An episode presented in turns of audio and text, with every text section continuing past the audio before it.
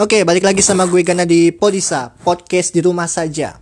Hari ini cukup istimewa karena Podisa betul-betul digerebek bukan oleh ormas, bukan oleh buzzer, juga bukan oleh um, apa ya, influencer, tapi digerebek oleh Kartini. Waduh, Kartini apa tuh? Kartini JKT48. Kenapa gue sebut Kartini? Karena mereka adalah perempuan-perempuan yang mengidolakan JKT48 gitu. Jadi Kartini bukan mengacu pada orangnya tapi simbol kewanitaan gitu.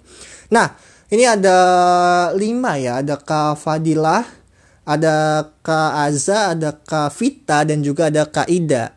Nah, ini ada Kak, ada yang baru nih karena ada Kak Fadilah di sini yang juga menjadi salah satu admin fanbase atau fanpage ya di di Instagram yang followersnya udah banyak banget dan pasti rata-rata fans JKT48 udah tahu itu akunnya. Oke, ini dia Podisa episode 21 apa 20 ya, lupa ya. Oke. Selamat malam semuanya. Malam. Malam. Oke, ini malam ini rame banget Podisa kedatangan emak-emak. kedatangan perempuan-perempuan nih. Oke, ada yang baru, ada dua yang baru ya kak. Kaida ada yang baru nih. Wih, ada yang baru nih siapa tuh? Gue pikir cuman wacana doang loh Kaida cuma bercanda doang mau ngegerebek Podisa bareng geng-gengnya. Ya nggak taunya betulan guys dibawain betulan ini. gue kalau soal JKT serius gue nggak main-main asik. Oke, nggak nggak ada prank-prank ya kak ya. Enggak lah. Oke, ini gue perkenalin dulu satu-satu. Ada Kak Aza. Selamat malam Kak Aza. Halo. Oke, terus ada Kak Fadila. Halo. Halo. Oke, Kak, Fed- Kak Fadila ini juga jadi salah satu admin fanbase atau fanpage bilangnya Kak di Instagram. Ya, fanbase ya mungkinnya fanbase ya di ininya disebutnya. Oke. Mau sebut nama akunnya nggak? Boleh nggak? Hmm, boleh. Di Boleh. Instagram ya. sama Twitter itu ada K3.OC JKT48. Oke, Aku berarti ngadmin di situ kebetulan. Hmm, oh kebetulan, masa sih kebetulan? ya kebetulan jadi admin di akun itu. Eh, Oke, berarti ini Kak Fadila ini adalah admin Kepoin Oshi ya, Kak. Ya, Ada di Instagram juga di Twitter. Twitter. Iya, Twitter. Oke, sip. Nanti kita ngobrol lagi ya, Kak. Terus next ada Kak Vita. Kak Vita ini satu paket sama Kak Ida malam ini. Selamat malam Kak Vita. Halo. Halo malam. Oke, gimana Kak kabarnya Kak? Udah lama kita nggak ketemu. Alhamdulillah. Sehat. Alhamdulillah. Gawe mulu Gimana? kayaknya ya. Gimana kabarnya? Alhamdulillah sehat juga. Gawe mulu ya Kak ya? Iya. Iya. Oke, terakhir ada jagoannya sekaligus kepala sukunya nih yang bawa perempuan-perempuan ini ke Podisa. Siapa lagi kalau bukan Kak Ida? Selamat malam Kak Ida. Selamat malam, Bodisa. Gue lagi nih. Bosen nggak tuh? Bosen nggak tuh? Enggak, nggak ada yang komen bosen kok. Aman-aman aja. Aman ya, jangan bosen aman, ya. aman. Oke, karena malam ini semuanya cewek-cewek semua. Jadi baiknya dan memang sudah seharusnya kita bahas uh, JKT48 dan juga fans JKT48 dari sudut pandang perempuan gitu. Padahal bukan hari Kartini nih Kak Ida momennya nggak pas banget nih. Tapi boleh lah ya. Boleh Iya, lah. Boleh lah. Oke, karena ini ada dua yang baru, jadi pertama-tama kedua yang baru ini dulu ya, Kak Ida dan Kak Aza. Nanti kalian berdua belakangan. Boleh, boleh. Silahkan, sok. Oke, gua mau ke Kak Fadila dulu deh. Halo Kak. Halo. Oke, Kak Fadila, ini ngomong-ngomong udah jadi admin di fanbase itu udah berapa tahun tuh Kak? Berapa lama Kak? Kalau mm, kalau untuk dimulai akunnya itu dari 2016. Mm-mm. Cuman kalau aku jadi fans itu tahun 2014 Bapak mulai Bapak jadi fans. Tapi apa tahu tahu JKT48 juga udah dari lama pertama mereka debut juga udah tahu. Tapi kalau yang benar-benar jadi fansnya itu 2014 dan ada akun Instagram itu pertama kali 2016 dibikinnya. Dah gitu aja sih ceritanya. Oke, berarti rata-rata urutannya sama ya, Kak. Tahu dulu JKT48 baru sukanya beberapa tahun setelahnya ya. Ngikutinnya gitu ya. Iya, karena karena dulu tuh apa sebelum sebelum kenal JKT48 pun eh, aku apa nggak nggak nggak nggak terlalu di Jepangan banget lah karena aku juga dulu K-popers juga apa punya apa di lingkungan juga K-popers semua gitu jadi apa namanya nggak nggak terlalu nggak terlalu di Jepangan lah Ter- terus apa kenal JKT kenal JKT jadi suka JKT dan sister-sister grup lainnya gitu Wah, ini menarik nih. Di lingkungan itu sampai sekarang di lingkungan tempat Kak Fadila masih K-popers juga nggak Kak? Atau sudah ada berubah, perubahan? kalau sekarang lebih lebih ke ber- bertemannya ke teman-teman fans JKT ya karena dulu mungkin pertama JKT48 ada itu aku masih SMP sedangkan sahabat-sahabat yang dekat aku nggak ada yang suka Jepangan nggak ada yang suka JKT48 kebanyakan K-popers kalau sekarang lebih kayak berteman atau entah itu di sosial media, entah itu ketemu langsung, itu kan sama fans JKT. Jadi secara nggak langsung kebanyakannya ngobrolnya JKT48, AKB48 dan sister-sister grup lainnya gitu. Oh, oke. Berarti tapi sempat berarti itu sempat ada di posisi di mana Kak Fadilah ada pada posisi minoritas dalam mayoritas dong, gitu ya Kak? Kalau kata Kak Ida tuh. Ya bisa disebut kayak gitu Iya, sih ya karena karena kan dulu juga nggak nggak terlalu apa nggak terlalu ini apa jadi fans JKT48 itu kan baru jadi masih awam lah pada saat itu gitu. Oke. Terus em, pasti ada motif, ada latar belakang kenapa Kak Fadila ini mau mencoba untuk membuat uh, fanbase itu yang akhirnya sekarang followersnya bukan bukan main itu. Banyak banget, banyak sekali bahkan. Itu apa tuh Kak kira-kira mau latar belakangnya? Sebenarnya sih dari ketidaksengajaan karena aku punya dulu waktu SMA itu waktu pertama kali jadi fans itu punya adik kelas yang memang benar-benar fans JKT48 kan. Terus terus udah udah kayak gitu apa namanya cari tahu lah JKT48 gitu cari tahu apa yang ngebedain kan kalau misalnya dulu itu adanya JKT48 itu kan pas debut bareng jadi masih ada girl, girl- apa boy band sama girl band yang kayak Seven Icon, Cherry Bell kayak gitu-gitu kan tahunya girl g- apa bukan idol group gitu JKT48.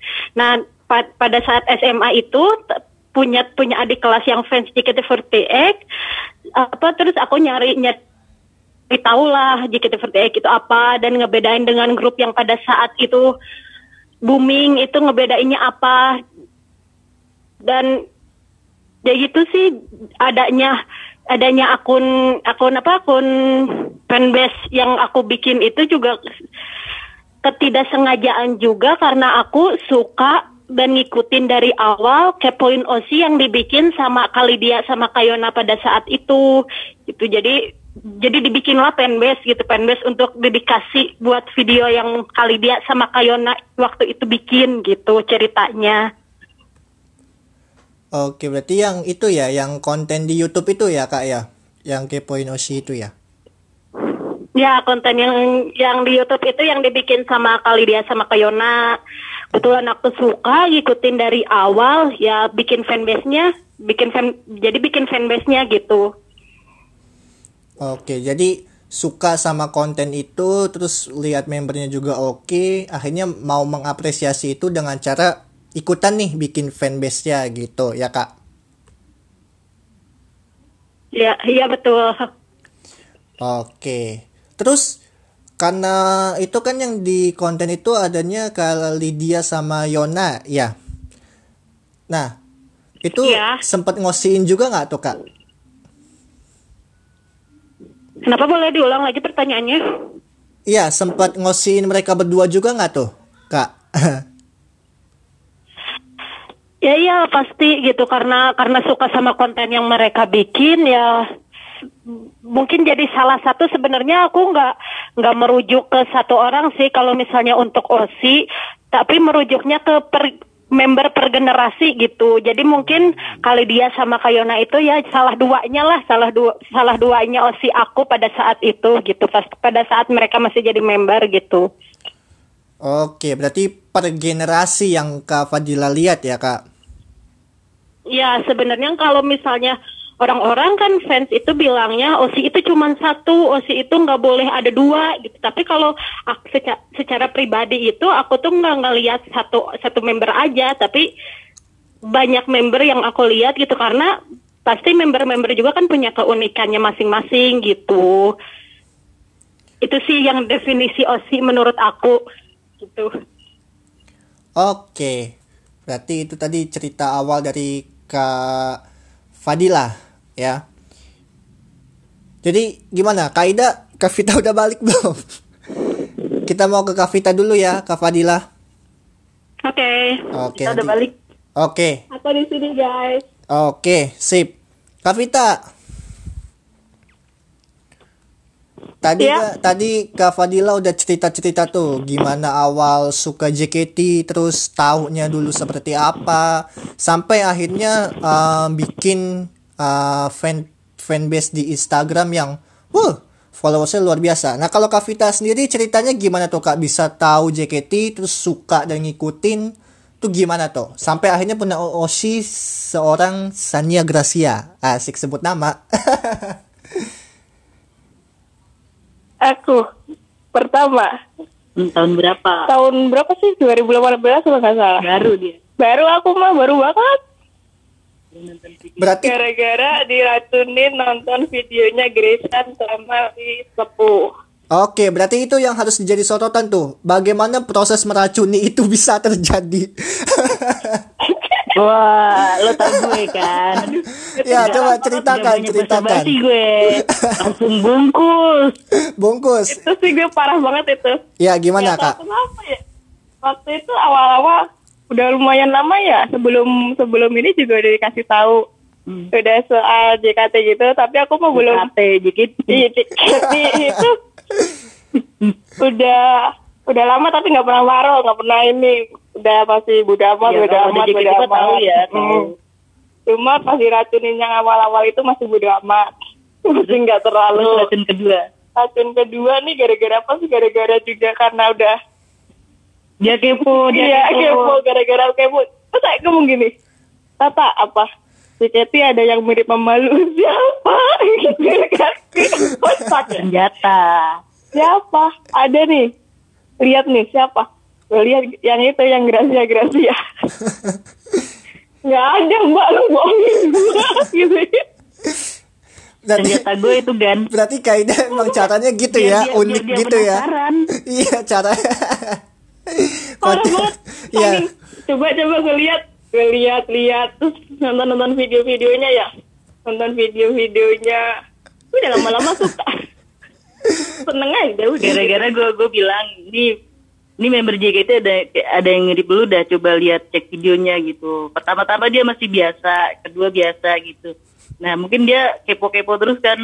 Eh, akhirnya berkelanjutan tuh dia ini apa nanya-nanya gue terus ya udah makin dah tuh gue racunin terus gue racunin terus gitu. ini strategi yang kacau sih ini mah. iya kan? Iya, kacau ini. Bahaya gue makanya. ya, lanjut Kak Vita. Konsernya siapa gitu Hmm. aku diajak aku belum mau Iya. Karena masih ngepoin masih belum terlalu Iya itu waktu itu konsernya final, waktu konser final gue sempat ngajak dia tuh. tapi gue nyesel sekarang kan gitu Waktu konsernya final gue ngajak dia, gue siapin tiketnya dia nggak mau kan? Udah itu tiket udah di pegangan tangan tuh, udah di genggaman tuh. Iya, Wes. udah.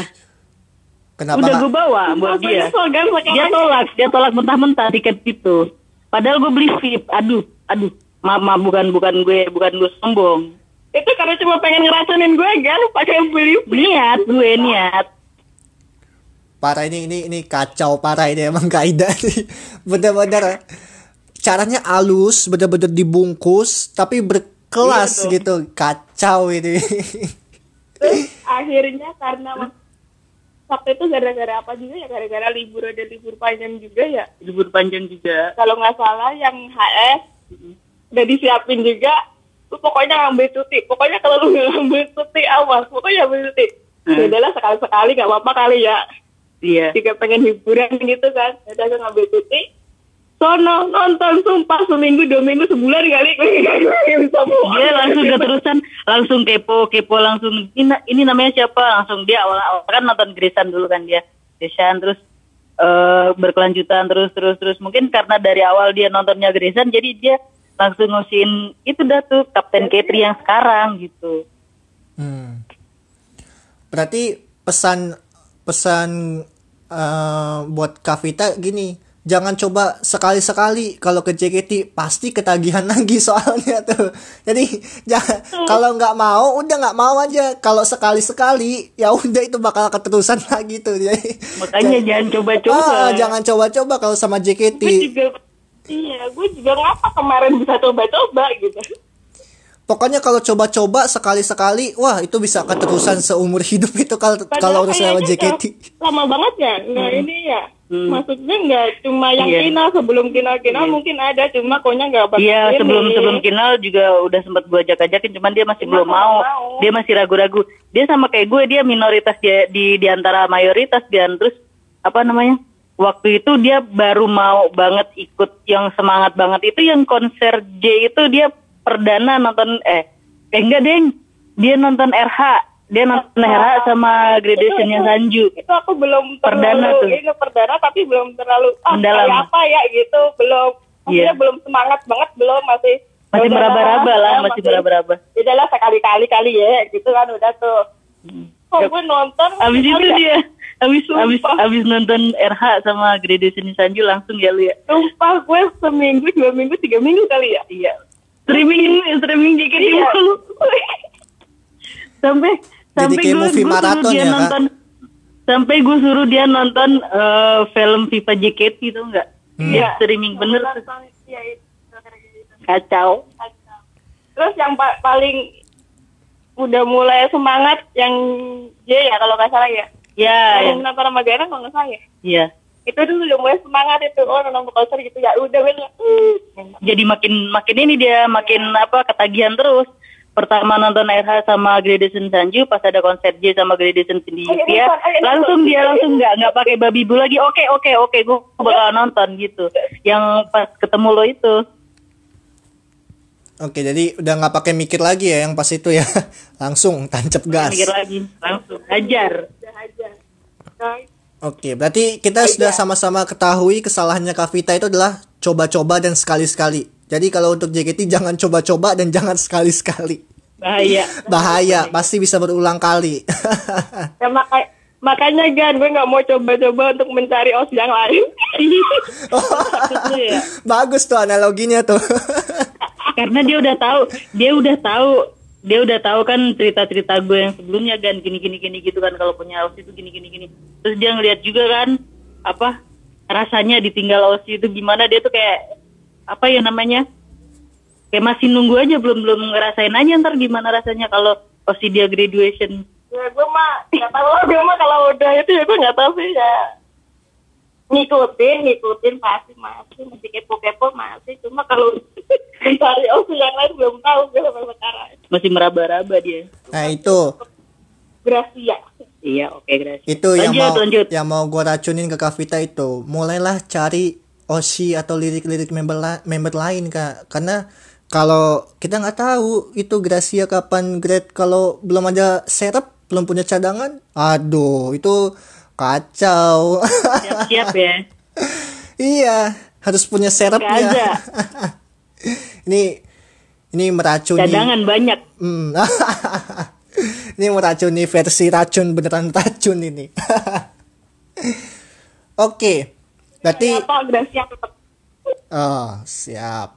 Oke, berarti gua tarik lurus dari ceritanya Kavita ya. Jadi Kavita pertama tahu itu sekitar 2018 ya, Kak ya. Ya, Iya. 2018 Oke, terus tapi sebelum-sebelum itu juga Kak Ida sudah menebarkan virus berbentuk hati itu. Ya. Iya benar. Ya, Tapi sebelum itu. ditepis, tepis, tepis, tepis, tepis. Nggak tahu kenapa tiba-tiba waktu itu saya mau. Oke. Dia nolak-nolak mulu. Mm-mm. Ya.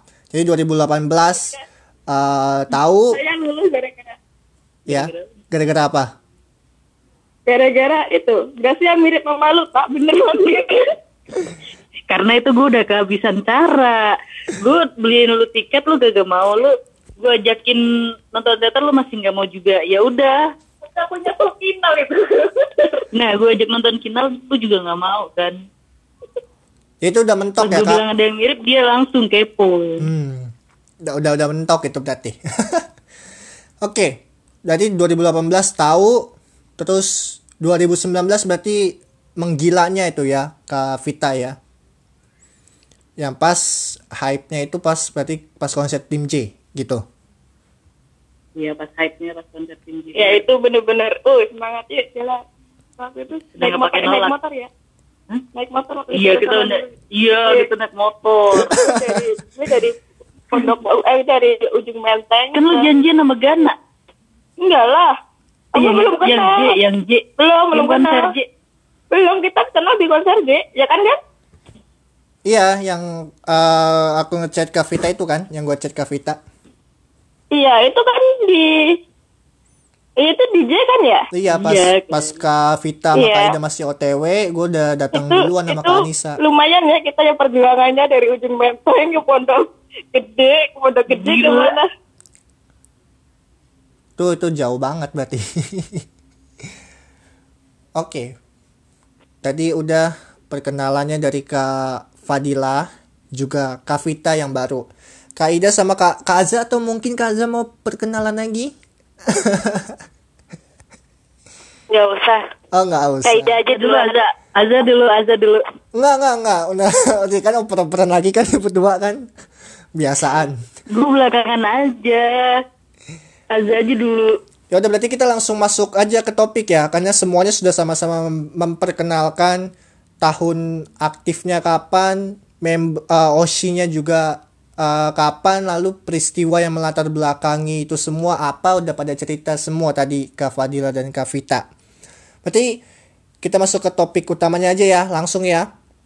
Jadi Langsung kan. langsung gas ya. Oke, ini kan eh, perempuan-perempuan ini bisa suka sama JKT48 gitu pasti ada dasarnya juga tuh, ada latar belakangnya. Kira-kira apa itu? Terus juga alasannya itu apa? Bisa suka, bisa sampai akhirnya ngefans sampai ngidol gitu, sampai bahkan punya akun fanbase kayak Kak Fadila gitu. Oke, tadi Kak Fadila sudah, Kak Vita sudah, kita coba ke Kak dulu yang cerita. Oke? Gimana Kak Aza? Oke. Eh, eh, ulang pertanyaan, sorry, sorry. Iya kan ini perempuan-perempuan semua gitu kan. Kebanyakan orang mempersoalkan itu kok laki-laki nonton JKT48 loh justru laki-laki normal nonton cewek. Nah ini ketika kita pakai analoginya orang-orang itu kok perempuan nonton JKT48 loh laki-laki nggak boleh nonton JKT48 terus perempuan juga dipertanyakan. Nah itu kira-kira gimana tuh kak? Kenapa bisa suka JKT48? Tuh. Ah, eh, pertama suka JKT48 karena eh, liriknya yang aneh sih. Pertama suka karena itu, tertariknya karena itu. Karena kayak aneh aja waktu awal-awal kan lagunya liriknya ya agak aneh kan. Jadi tertarik karena itu kan. Terus kalau misalkan ditelaah emang artinya tuh sebenarnya penyemangat juga, cinta juga tapi mungkin dengan bahasa yang rumit. Dan itu eh, kenapa gue suka JKT48 pertama dari itu. Terus kedua, uh, JKT itu sebenarnya jadi beauty standar gue sih uh, awalnya. Mhm. Awalnya kayak gitu, jadi beauty standar gue gitu. Ya, oh gue pengen nih kayak dia gitu. Tapi ke sini ke sini kayak ngelihatnya "Ya udah deh gue nggak bisa nih kayak dia gitu kayak terlalu tinggi aja gitu Mhm. kayak gitu sih Oke. Jadi dua Halo? dua itu dua apa dua sebabnya itu tuh tadi alasannya Iya alasannya gitu Karena lagu ya. karena lagu ya betul. Nah menarik sih Kak Aza kalau dibilang tadi karena lagu. Sempat waktu di podcast episode awal-awal gue sama Kak Ida juga sempat pernah berbicara itu sedikit.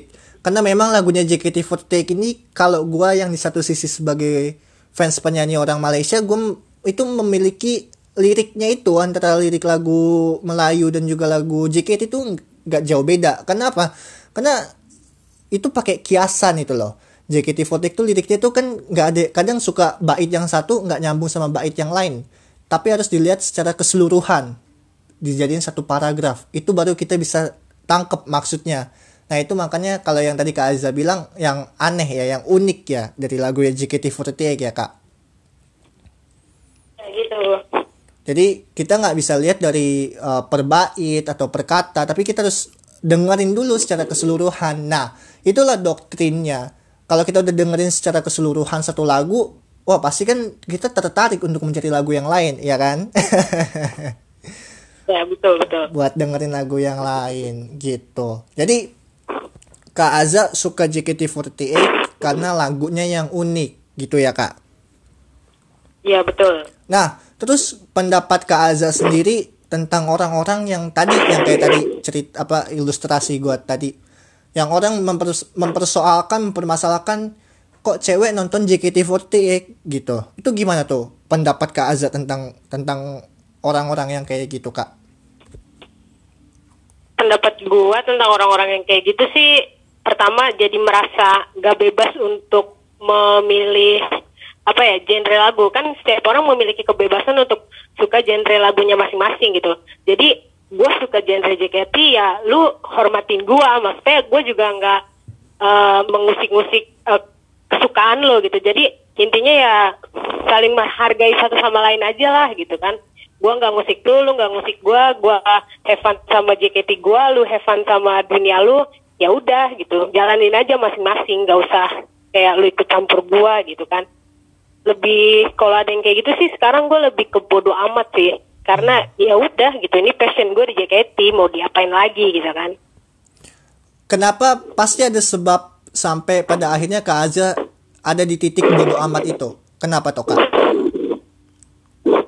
Gimana gimana? Kira-kira ada sebabnya nggak kenapa Kak Aza bisa sampai pada titik bodo amat itu? Ya karena capek aja tiap gua misalkan kayak contohnya dulu waktu gua masih masih SMP kayak di kelas suka nontonin NVJKT terus teman-teman di sekitar kayak ih apaan sih? Masa nontonnya gituan? Kayak gitu sih. Jadi kayak lebih capek aja bodo amat lah. Lu mau ngomong apa juga tentang JKT kan kita sebagai fans yang tahu JKT itu seperti apa gitu kan. Lu orang awam ya menilai JKT mungkin seperti itu karena lu emang nggak tahu dalamnya kita tuh kayak apa gitu. Jadi ya udah bodo amat aja gitu Berarti poinnya waktu di episode kemarin yang gue sampein itu ada benernya kan ya kak. Akhirnya kita bisa lihat, kita bisa nilai orang-orang sekitar kita kayak gimana kan. iya betul banget ah itu dia. Terus akhirnya udah udah nggak nggak ambil pusing ya sekarang ya kak sama orang-orang kayak gitu ya. Iya, lebih diemin aja lah sekarang lah. Toh mereka juga seiring berjalannya waktu mereka juga paham kita gimana dengan kesukaan kita, ya kan? Iya, betul. Kalau mereka nggak suka, ya bisa langsung skip aja story kita itu? Iya, betul. Oke. Kita skip kan. Hmm, kalau lu merasa itu nggak penting ya udah skip aja nggak usah jadiin itu soal kenapa gua harus Iya. upload, ya kan? Kan upload atau nggak upload suka-suka gua, akun sosmed gua kan gitu kan. Kenapa lu yang Iya, sibuk? betul sekali. Oke deh. Itu berarti dari Kak Aza itu tadi ya. Gua Yuk. ke Kak Fadila dulu nanti balik ke ke Kak Aza lagi, oke? Kak Oke. Fadila, gimana Kak? Tuh, tentang tadi udah denger ya sekilas dari Kak Aza iya. ceritanya Kak Aza. Gimana pendapat Kak Kalau semisalnya awal aku itu ya karena kepo gitu kan kepo gitu nyari tahu tentang JKT48 itu seperti apa apa yang membedakan sama grup-grup lainnya itu aja sih kalau misalnya awalnya. Cuman kenapa kenapa aku cewek gitu ngefans sama JKT48 yang membernya juga cewek karena seiring berjalannya waktu ngelihat perjuangan mereka gitu ngelihat ngelihat perjuangan mereka, kuatnya mereka ngejalanin berbagai hal apa berbagai hal kegiatan yang mereka jalanin gitu kayak kuliah, kayak sekolah, JKT gitu. Jadi jadi apa jadi penyemangat juga buat aku gitu. Oh, mereka juga apa banyak kegiatan, apa banyak kegiatan juga bisa dijalanin gitu. Jadi jadi buat semangat juga apa aku juga bisa kayak gitu gitu nggak nggak apa nggak menyerah sama kegiatan-kegiatan yang aku jalanin gitu mungkin bisa dibilang jadi role model lah mereka itu karena di apa di JKT ya termotivasi kayak gitu kak jadi role model karena mereka itu capek loh sebenarnya jadi member nggak nggak nggak nggak nggak apa nggak gampang juga gitu. Karena selain di JKT kan mereka juga punya punya kegiatan di luar JKT yang mereka jalanin gitu. Itu sih yang buat aku ngefans sama mereka gitu. Oke terus um, tanggapannya Kak Fadilah tentang orang-orang yang masih nyinyir gitu. Kalau tadi Kak Aza tadi uh, gue lupa mau nanya ke Kak Aza. Kalau tadi Kak Aza kan uh, bicara tentang lagu. Lu nggak suka sama genre lagu gue ya lu nggak usah jadiin soal harusnya gitu. Tapi kalau misalnya uh, ke, dengan event-event JKT48 itu gimana tuh Kak Fadila? Tentang handshake uh, ataupun uh, apa lagi? Event JKT aduh lupa pandemi teater gitu. itu gimana? Kalau misalnya Kak Fadila datang ke acara itu orang bicara apa? Sebenarnya sih kalau misalnya aku mungkin sama ya kayak Aza kayak Aza bodo amat gitulah ke punya hobi masing-masing punya idola masing-masing jadi ya udah gitu nggak usah nggak usah mikirin idola orang lain gitu nah kalau misalnya untuk ke kegiatan kegiatan apa JKT kayak HS kayak gitu-gitu karena aku mung aku juga nggak nggak begitu banyak ngikutin ngikutin apa eventnya JKT48 jadi apa kalau misalnya datang ke event JKT48 kan ketemunya sama teman-teman yang memang fans JKT48 jadi nggak nggak nggak nggak apa nggak mikirin mikirin orang-orang yang bukan fans gitu. Jadi ngobrolnya sama-sama sama fans aja gitu. Jadi nggak nggak nggak nggak dianggap lah kalau misalnya yang yang di luar fans. Karena kalau misalnya udah udah datang ke satu event pasti ngumpulnya gitu sama-sama fans gitu. Ngobrolnya sama fans gitu. Jadi nggak nggak terlalu dipikirin sih kalau misalnya datang ke eventnya JKT terus yang bukan fans gitu ngomong apa ya terserah gitu sih kalau aku. Oke, itu juga karena Kak Fadilah jarang mendengar suara-suara gitu ya kak ya. Jarang mendengar tentang hal-hal itu. Jadi nggak terlalu uh, difikirkan juga ya kak ya. Apa yang dipusingin kayak gitu. Iya karena kan kalau misalnya udah udah apa di lingkungan sama fans JKT ya pasti kan ngomonginnya member JKT misalnya gitu yang satu entah yang satu OSI atau yang beda OSI gitu. Jadi udahlah nggak peduli gitu sama orang lain yang bukan fans mau nyinyir mau apa gitu. Kalau aku sih gitu. Oke coba mau balik ke Kak Aza sebentar. Kak Aza tadi ada yang lupa gue mau tanyain Kak.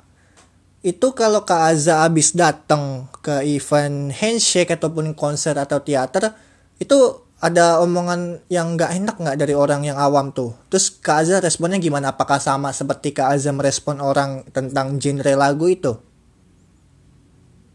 Kalau untuk gua habis balik AHS atau event gitu sih nggak ada sih nggak ada yang gimana gimana karena mungkin uh, gue juga orangnya nggak terlalu bisa terbuka sama orang lain. Jadi temen gue yang tahu-tahu JKT48 itu kayak udah mulai sedikit demi sedikit memahami lah kalau misalkan hmm. gue suka sama JKT gitu jadi nggak okay. ada masalah sih sejauh ini oke berarti masih aman ya kak karena sudah sudah memahami yeah. gitu gimana kak Aza Karena kan gini, Gimana? iya karena eh, orang-orang di sekitar Kak Aza juga sudah mulai memahami kesukaannya Kak Aza gitu, ya kan? Iya. Iya. Karena kenapa gua nanya gitu, kakak-kakak? Karena gua sempat pasti juga eh, semuanya pasti sudah pada dengar, banyak banyak dengar gitu. Kalau ngapain sih eh, handshake salaman cuman 10 detik bayar sampai 30 apa 35 ribu itu DC itu? Kan gitu kan banyak kan gitu foto aja bayar gitu. Padahal kan kalau handshake kan banyak yang harus diluruskan tentang itu. Karena itu bukan bukan salamannya yang dijual tapi itu kan ketika member menjual uh, download card itu dan uh, handshake-nya itu adalah bonusnya kan gitu kan? Bonus penjualannya itu. Iya. gitu. Oke Kak Azza dan Kak Fadila ceritanya menarik. Tadi berarti kalau Kak Azza itu karena lagunya kalau Kak Fadilah itu karena eh, termotivasi pengen jadi eh, sekuat member yang bisa melakukan kewajiban juga tanggung jawab gitu. Nah kalau Kak Vita gimana nih Kak? Ceritanya.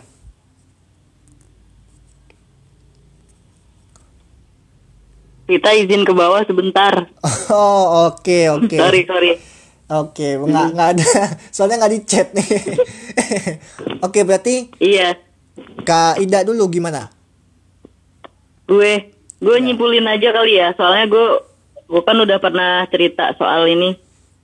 eh emang udah pernah Kak Gue kalau cerita lagi ntar durasi. emang udah pernah ya Udah kan yang di episode 3 kalau nggak salah.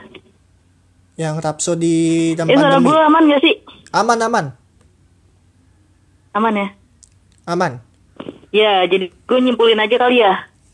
Ntar sesi kita nyusul ya gimana gimana atau gimana gimana? ya boleh boleh Ya, kalau gue ambil kesimpulan gini, kalau tadi dari Kak Fadila ya, dia kan ya sama lah intinya sama si Aza kan bodo amat mau dibilang kayak gimana juga.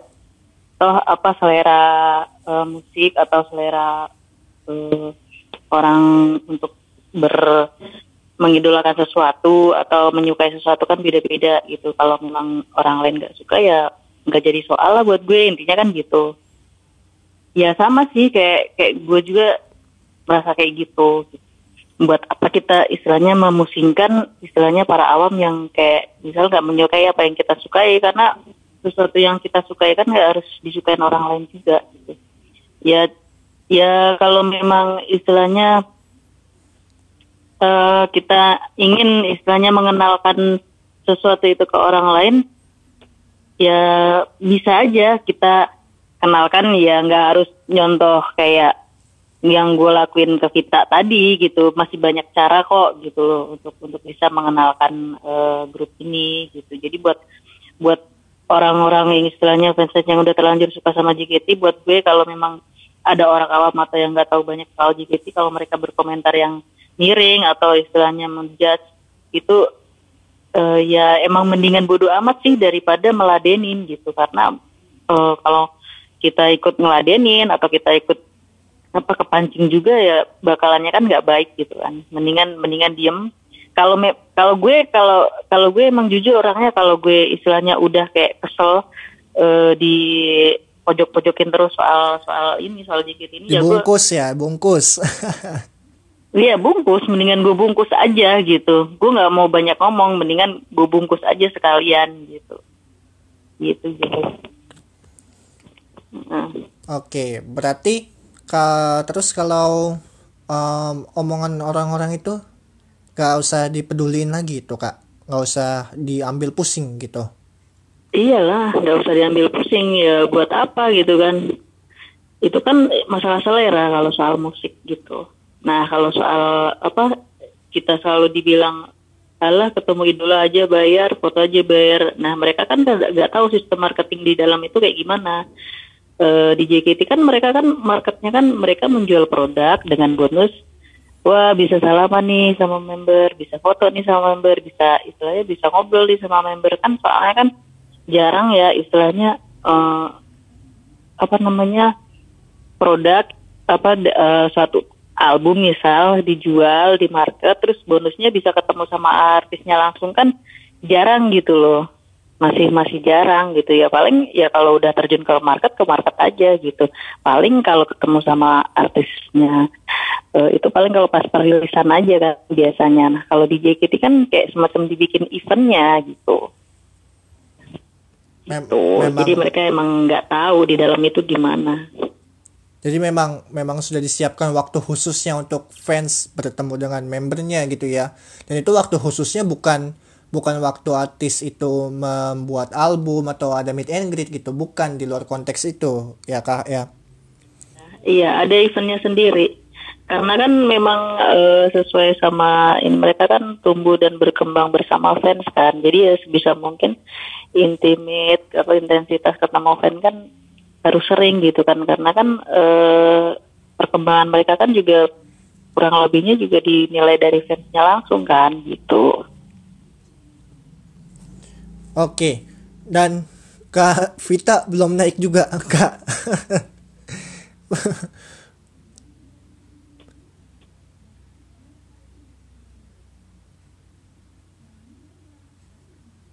Oke, Kak Ida, ini kan um, Iya gimana? karena Kak Vita belum naik lagi, jadi uh, kita masuk Belum ke ya kita masuk ke topik terakhir, topik selanjutnya nanti Kak Vita berarti kejar tayang nih. ini menarik sih yang Iya dia nyusul. Ya, belakangan berarti nanti ya. Menarik.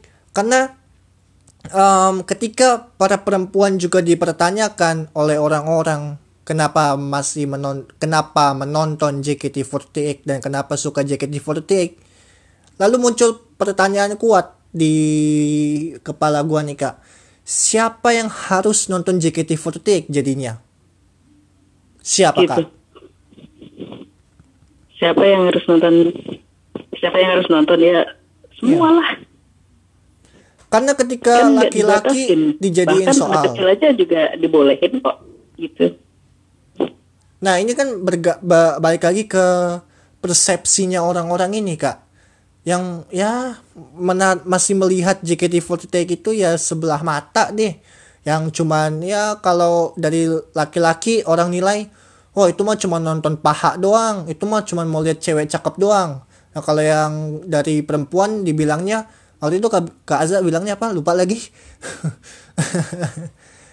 itu poinnya Kak Azza yang jadi acuan gua kenapa mempertanyakan itu tuh Kak. Gimana tuh Kak? Maksudnya kalau intinya kalau di kalau dilihat cewek kenapa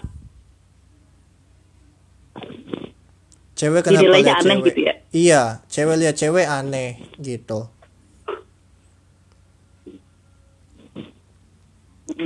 Cowok lihat cowok kenapa dibilang dibilang lebih aneh aneh ya saya lagi. juga heran padahal mah iya padahal biasa aja tau justru jadi gue juga sempat heran sih. Kayak gue cewek misal gue suka Agnes Monica gue suka Reza gue suka ya artis-artis penyanyi-penyanyi lainnya lah yang cewek gak masalah kok orang juga. Wajar-wajar aja di luar sana juga masih banyak gitu kan. Nah ketika kita masuk eh, di JKT48 karena mungkin image-nya eh, dari segi ininya ya apa cara eh, berpakaian mereka kan kerap dengan seragam yang eh, pakai rok gitu kan kelihatan kakinya Mohon maaf Kak, gua potong nih gitu ya. Kak. Hmm, Itu fashionnya lah apa stylenya lah stylenya ya ya, gua potong kalau nih Kak. penyanyi lain kan eh, kalau kalau penyanyi lain kan pakai stylenya yang yang OOTD-nya kan yang umum gitu kan nah ini tuh mereka pakai stylenya lain sendiri gitu mungkin dari dari situnya dibilangnya aneh gitu Nah, sebentar Kak, gue potong Kak. Ini bukannya gue mau memancing kerusuhan atau gimana enggak. Tapi bukan cuman JKT48 aja yang sekarang akhirnya berpakem seperti itu. Yang eh, mengarah ke Korea-Korea itu juga sekarang rata-rata seperti itu dan itu banyak pengikutnya, banyak penggemarnya. Nggak ada yang menjadikan itu soal gitu. Apa karena mereka lebih banyak jumlahnya? Enggak. Kemarin pas gua recording sama Bang Azam, Bang Azam cerita banyak. Ternyata di daerah-daerah itu fans JKT48 itu yang ketutupan itu banyak banget, Kak. Tapi kenapa yang selalu kena itu fans JKT48 padahal mereka juga banyak yang laki-laki nonton Korea yang perempuan-perempuan nonton Korea tapi nggak ada yang pernah menjadikan itu soal sedikit orang-orang yang mempersoalkan itu tuh kak Ya, mungkin pertama kalau K-pop sama J-pop itu kan eh, alirannya beda ya. Eh, dari segi musik juga beda gitu. Terus yang kedua dari segi stylenya, fashionnya juga beda gitu. Nah, image-nya JKT itu kan image kayak anak-anak sekolah gitu kan. Karena mereka kan pakai buku yang seragam sama gitu kan. Yang mode motifnya itu sama rata gitu. Nah, kalau K-pop kan cenderung kayak yang model-modelnya aja bahkan banyak yang kayak eh selalu jadi apa model fashion update gitu loh. Trending. Nah kalau iya kalau JKT kan nggak bisa untuk fashionnya sendiri kan seragam eh mana mau yang buat eh, style sehari-hari atau mejeng-mejeng atau eh, acara tertentu pakai fashion yang model JKT kan gitu. Mungkin dari situnya yang membedakan gitu loh. Jadi terkesan monoton atau gimana entahlah gitu. Makanya ketutup lah sama yang model pop yang selalu eh, fashionnya itu per itunya kan masih selalu up to date gitu loh dari segi penampilannya, fashion mereka gitu loh. Nah mungkin image itulah yang kayak bikin apa sedikit mengalihkan itu gitu. Hmm. Nah, kalau dari Kak Aza, gimana Kak pendapat Kak Aza, Kak? Jadi siapa yang harus menonton JKT48, Kak? Kalau orang laki dinyinyir, orang perempuan dinyinyir. Eh, kalau eh, ngomongin masalah siapa yang nonton, sebenarnya siapa aja pasti boleh nonton. Karena eh, statement orang itu kan beda-beda kan tentang JKT, ada yang bagus, ada yang jelek. Jadi kita nggak usah lah mikirin yang jelek-jeleknya gitu. Yang mau nonton ya nonton, yang nggak mau ya udah gitu. Kalau dari gue sih gitu aja. Iya, soalnya gue juga gemes juga, bingung juga. Lo itu cewek nonton cewek nggak boleh, kita laki nonton cewek juga nggak boleh. Ini orang-orang kenapa sih senti? Sebenarnya apa yang bikin mereka sentimen sama JKT itu tuh apa sentimennya? Mungkin kalau Karena image sih kalau menurut gue. Ya benar-benar dari image juga. Terus kalau misalkan tadi kan eh, Kak Gana kan bilang eh, kenapa kalau ngefans sama artis-artis K-pop tuh biasa-biasa aja walaupun cewek suka sama cewek. Mungkin kalau menurut gue pribadi kan gue emang suka suka rada suka K-pop kan. Kalau menurut gue sih karena culture-nya itu loh, culture K-pop yang dibawa masuk ke Indonesia. Jadi orang ngelihat eh, suka sama idol cewek kayak biasa aja. Tapi kan karena emang eh, di Jepangnya juga JKT kan lebih banyak fans cowok ketimbang fans cewek. Terus dibawa masuk culture-nya ke Indonesia, ya jadinya sama gitu kayak lebih banyak cowok daripada ceweknya. Kalau menurut gue sih gitu. Hmm. Jadi masalah budaya ya, Kak. Iya benar. Juga ya yalah persepsi orang juga kayak gitu kan rata-rata ke JKT48. Oke.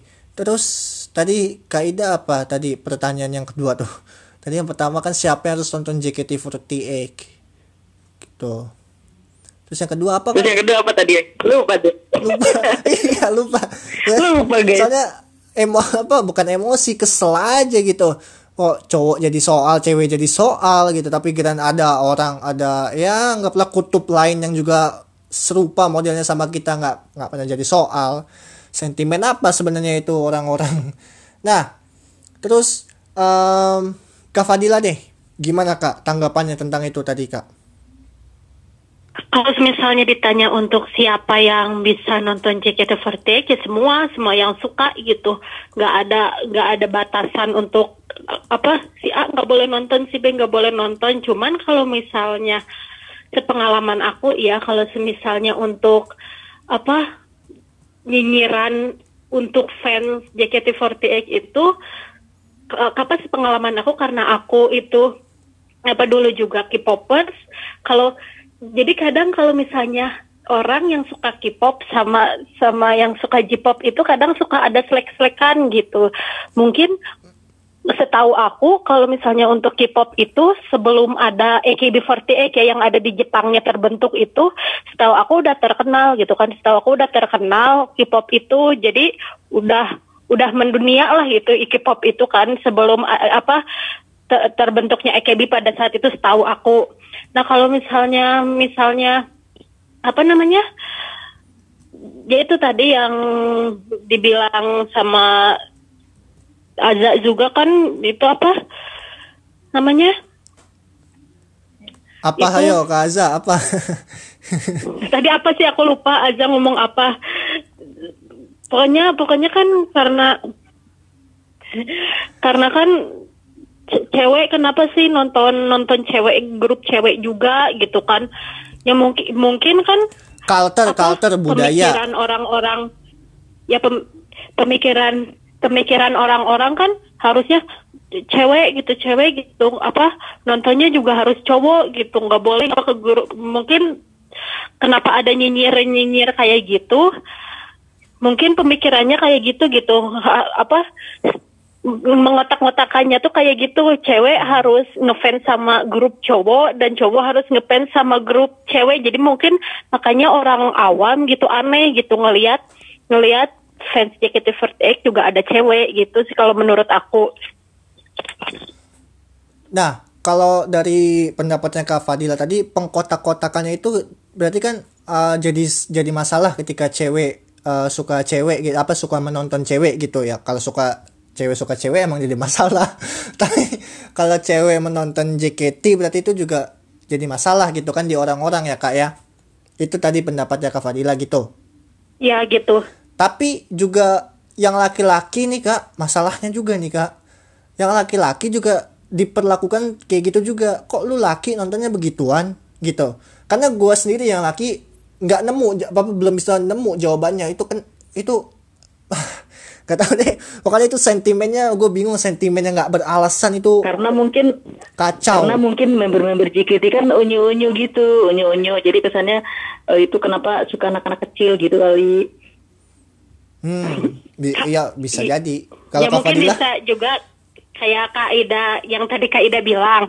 Cuman sepengalaman aku jadi admin mungkin ya ada juga fans yang sis- ada sisi negatifnya lah gitu. Maksudnya yang ngehayal misalnya nge- sorry ya kalau ngehayal jadi pacarnya member gitu. Jadi sampai negatif-negatif atau sampai komen jelek ke orang-orang yang entah itu fans JKT48, entah itu orang awam gitu. Jadi mungkin di apa dipandangnya seperti itu gitu ya karena K-pop juga banyak yang kayak gitu sebenarnya Min. Ya ya ya ya juga sih nggak memungkiri juga ya memang ada mungkin tapi kalau misalnya apa pertanyaan tadi kenapa cowok kenapa cowok juga dipermasalahkan nonton JKT48 ya mungkin se- sebagian kecil gitu ada sebagian kecil yang menunjukin ke apa kenegatifan mereka yang berdampak ke ke semua fans gitu. Kalau menurut aku sih gitu. Nah, nah kalau begitu berarti ini kan kaitannya dengan masyarakat yang luas gitu. Persepsi orang ini kan terlalu seringnya melihat hal yang buruk untuk terus ditarik kesimpulannya. Tapi ketika hal it- itu hal yang positif, mereka nggak jadikan itu sebagai bahan untuk tarik kesimpulan gitu kan.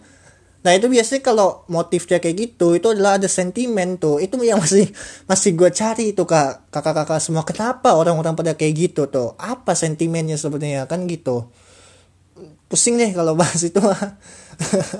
Jangan dicari kan, back to fandom aja. iya, maunya sih gitu, back to fandom aja. Alhamdulillah juga orang-orang sekitar ini udah nggak ada yang mempersoalkan itu. Karena kalau di lingkup keluarga eh, sepupu gue yang suka bercanda-bercandain gue kayak gitu sekarang akhirnya K-popers juga tuh. Jadi kan serupa-serupa, jadi nggak bisa mempersoalkan itu lagi ke gue sekarang. gitu. Dan Kaida, gimana? Apa yang mau disampaikan kak dari episode ini? Ini menarik sekali pembicaraannya malam ini. Pertama guys, gue tadi mau nyampein pesan Vita, dia minta maaf, dia out duluan karena ada sesuatu hal. Oh gitu. Jadi mohon dimaklumi ya, mohon maaf ya. Oh, Kak Vita tadi out nih. Nggak bisa sambung record. Duluan Berarti, um, Satu hal. gimana tuh? Di record lain waktu atau gimana? Tam- kita rilis tanpa kayak Kavita. Nggak apa-apa sih, nggak apa-apa. Masukin aja. Oke, berarti nanti next episode wajib ya ada Kavita lagi ya. Ya, mungkin episode khusus. Iya. Oke, terus Kaida menyikapi tadi pembicaraan kita ini gimana? Closing Iya, statement. kalau gue kalau gue ya pertama tadi dari awal kan ini kan kita semua cewek pasti suka JKT gitu. Kita yang selalu dibilang aneh lah, yang dibilang alay lah gitu ya. Gue sih cuman pesannya buat eh, teman-teman fans yang lainnya nggak perlu diambil pusing. Pokoknya kita tetap ambil positifnya aja gitu. Oke, berarti tetap diambil positifnya aja gitu ya Kak ya. Jangan terlalu mempersoalkan itu. Oke, Kak Aza, apa Kak Aza pesannya Kak terkait dengan obrolan kita malam ini? Ya, pesannya kurang lebih sama kayak Kaida gitu. Kita saling menghormati satu sama lain aja lah. Lu suka ini, gua nggak musik. Lu gua suka JKT, ya lu jangan musik juga. Gitu aja sih. Saling menghargai lah intinya. Ya, betul. Saling menghargai kuncinya. Kak Fadilah, gimana kesimpulannya? Kalau dari aku sih pesan pesan buat semuanya gitu. Jangan apa jangan apa ngejebarin kalau misalnya mau meracuni gitu jangan menyuri ke apa ke hal yang neg- apa negatif gitu. Dan aku aku harap gitu apa tetap fans JKT48 itu tetap kompak apa jangan jangan ada perselisihan antar fans gitu atau ya pokoknya kompak lah tetap kompak gitu buat buat fans semua gitu. Oh iya, aku juga ya gitulah pokoknya intinya tetap kompak aja buat semuanya gitu Oke, Gue nambahin ada pesan dari kita tadi. oke, satu menit. Gimana Kak? Ada tambahan tadi dari kita. Tadi eh, pesannya buat teman-teman fans eh, cewek fans JKT48 khususnya eh, jangan malu. Pertama jangan malu. Terus apa kita kan selalu eh, kenapa dibilang aneh itu karena kita kan punya pandangan sendiri ya eh, terhadap JKT karena kita kita kita semua itu sama cewek. Jadi kita memandang eh, sudut pandang dari cewek. Kenapa kita bisa termotivasi? Gimana sih usaha mereka itu bisa mulai dari awal banget? Agak berisik ya usaha lambe di luar nih. Iya, di TA sorry. Eh, kita memandang eh, usaha mereka dari sudut cewek sudut, sudut pandang cewek itu gimana? Eh, cewek-cewek sebanyak itu mereka itu melalui proses itu yang nggak gampang ya mulai dari nol sampai mereka bisa di titik atas gitu itu gimana caranya. Nah kita tuh sebagai cewek aja jadi termotivasi semangat mereka prosesnya gimana kita kan jadi ikut semangat karena kita sama-sama cewek kan gitu. Nah beda lagi kalau kita eh, sudut pandang cowok ke cewek itu kan kita nggak tahu kan ya mereka itu eh, mungkin ada alasan tersendiri juga gitu beda lagi pandangannya mereka. Nah kita kan rata-rata kalau gue dengar nah, dari sisi ceweknya tuh ya itu kita saling support karena kita sama-sama cewek bukan yang aneh-aneh yang gimana-gimana gitu. Tadi sih kata kita gitu pokoknya intinya sama-sama motivasi antar cewek itu aja intinya gitu pesan dari kita ya gue setuju sih gimana eh, teman-teman fans yang lain pada setuju nggak tuh kira-kira oke, setuju ya semuanya. Memang betul setuju harus jadi motivasi ya. Gimana Dong, bisa untuk iya dong. mencapai harus pencapaian harus hidup. sa- kita harus ikutin lah semangat mereka usaha mereka motivasinya gimana gitu. Kita seba- kita jadi cewek jangan lemah gitu jangan malu. Jangan jangan istilahnya jangan sampai kita itu eh, mau untuk malas-malasan atau gimana. Pokoknya usaha keras lah usaha keras itu tidak akan mengkhianati kalau kata melodi ya kan? Ya, betul. Oke, siap. Ini bagus banget topiknya dan kita sudah sampai di penghujung waktu. Terima kasih untuk Kak Fadila, Min Kepo. Terima kasih untuk Kak Aza yang udah datang dua kali akhirnya, Cie. Makasih untuk Akhirnya. Kak Ida juga dan Kak Vita nanti sampaikan salamnya ya, Kak.